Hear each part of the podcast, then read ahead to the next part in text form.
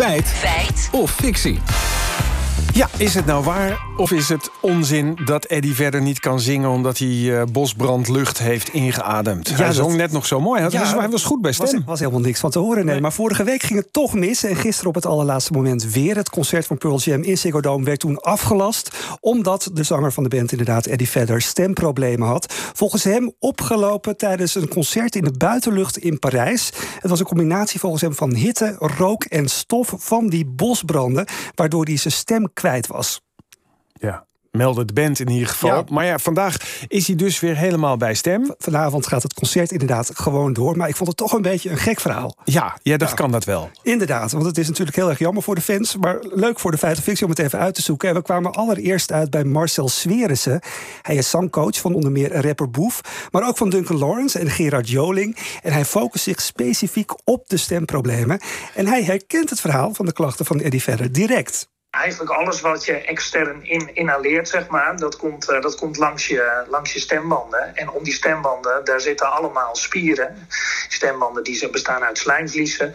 En ja, die slijmvliezen die kunnen aangestand, eh, aangetast raken. Maar ehm, eigenlijk belangrijker nog, ehm, je lichaam heeft een soort bescherming. En ehm, die zorgt dat die spieren om die stembanden heen gaan zorgen dat je die stem niet zo goed meer kan gebruiken, omdat die dat wil gaan beschermen. Oké, dus het, het, het zou wel degelijk kunnen. Maar goed, uit meer wetenschappelijke hoek zou jij eigenlijk wel bevestiging willen hiervoor. Ja, en je ging te raden bij een oude bekende van mij. Ja, KNO-arts IJzer Wielinga, die ken je inderdaad vast nog wel. Hij bevestigt hoe schadelijk de rook is die vrijkomt bij bosbranden.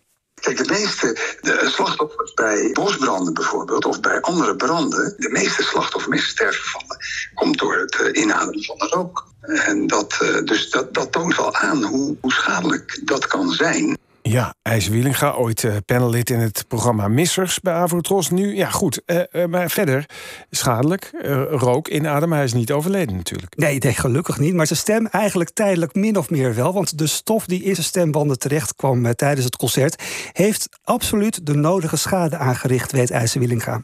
Er kunnen ook stoffen in dat stof zitten die, die echt schadelijk zijn. Eh, bijvoorbeeld, het is bekend bij rook, er zit ook ammoniak in en chloor. Ja, dat zijn echt heel irriterende stofjes die, die de slijmvliezen prikkelen. Ja, verder kunnen de stembanden ook ehm, zelf geïrriteerd raken. Dus die stembandbekleding, die wordt dan ook weer wat dikker. Op een gegeven moment ben je je stem kwijt, zoals dat heet. Ja, eh, overigens, IJs Wielinga klinkt ook wel alsof hij wat stemband. Misschien is hij in Frankrijk geweest, ja. Ik weet het niet. Maar goed, zou iedereen dan eh, die bij dat concert is geweest, Lammert, dan eh, niet last moeten hebben eigenlijk van zijn stembanden? Zou het stil zijn in half Frankrijk? Nou, volgens Swerissen is het echt voor iedereen verschillend... hoe gevoelig die stembanden zijn.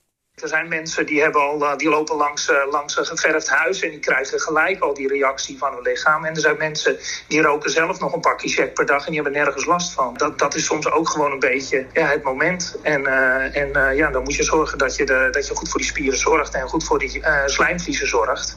Zodat je zo snel mogelijk weer uit die spanning komt. Ja, ja, dat klinkt makkelijk. En zorgen Ja. voor je, hoe zorg je er voor je stembanden? Is voor ons wel handig om te weten op de radio. Ja, nou, we hebben het Swerissen even gevraagd... en hij vertelde me dat je dan aan een hele hoop dingen moet denken.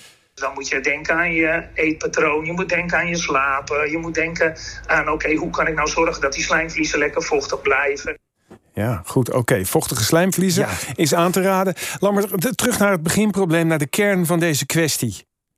Stemproblemen door bosbranden, feit of fictie? Ja, bij de KNO-arts en stemcoach is er geen twijfel over mogelijk. Het is een feit, je stembanden zijn heel gevoelig...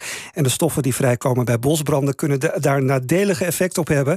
Volgende keer dan maar iets beter dus opletten... waar je optreedt als er bosbranden in de buurt zijn. Maar goed, eh, goed nieuws voor de fans. Hij is weer de- Vanavond zijn ze gewoon weer on the run en op het podium. Ja, en heeft een prachtige stem, die Eddie verder. Nou goed, dank je.